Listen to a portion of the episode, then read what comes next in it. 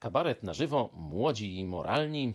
E, Robert Górski z zespołem e, ma kłopoty, no to tak delikatnie mówię, z emisją swojej twórczości na Polsacie. Polsat właśnie tak popierał PiS, no a ten kabaret jakby mniej.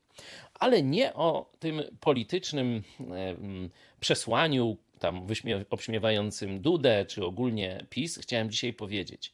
Stało się coś dużo, dużo ważniejszego.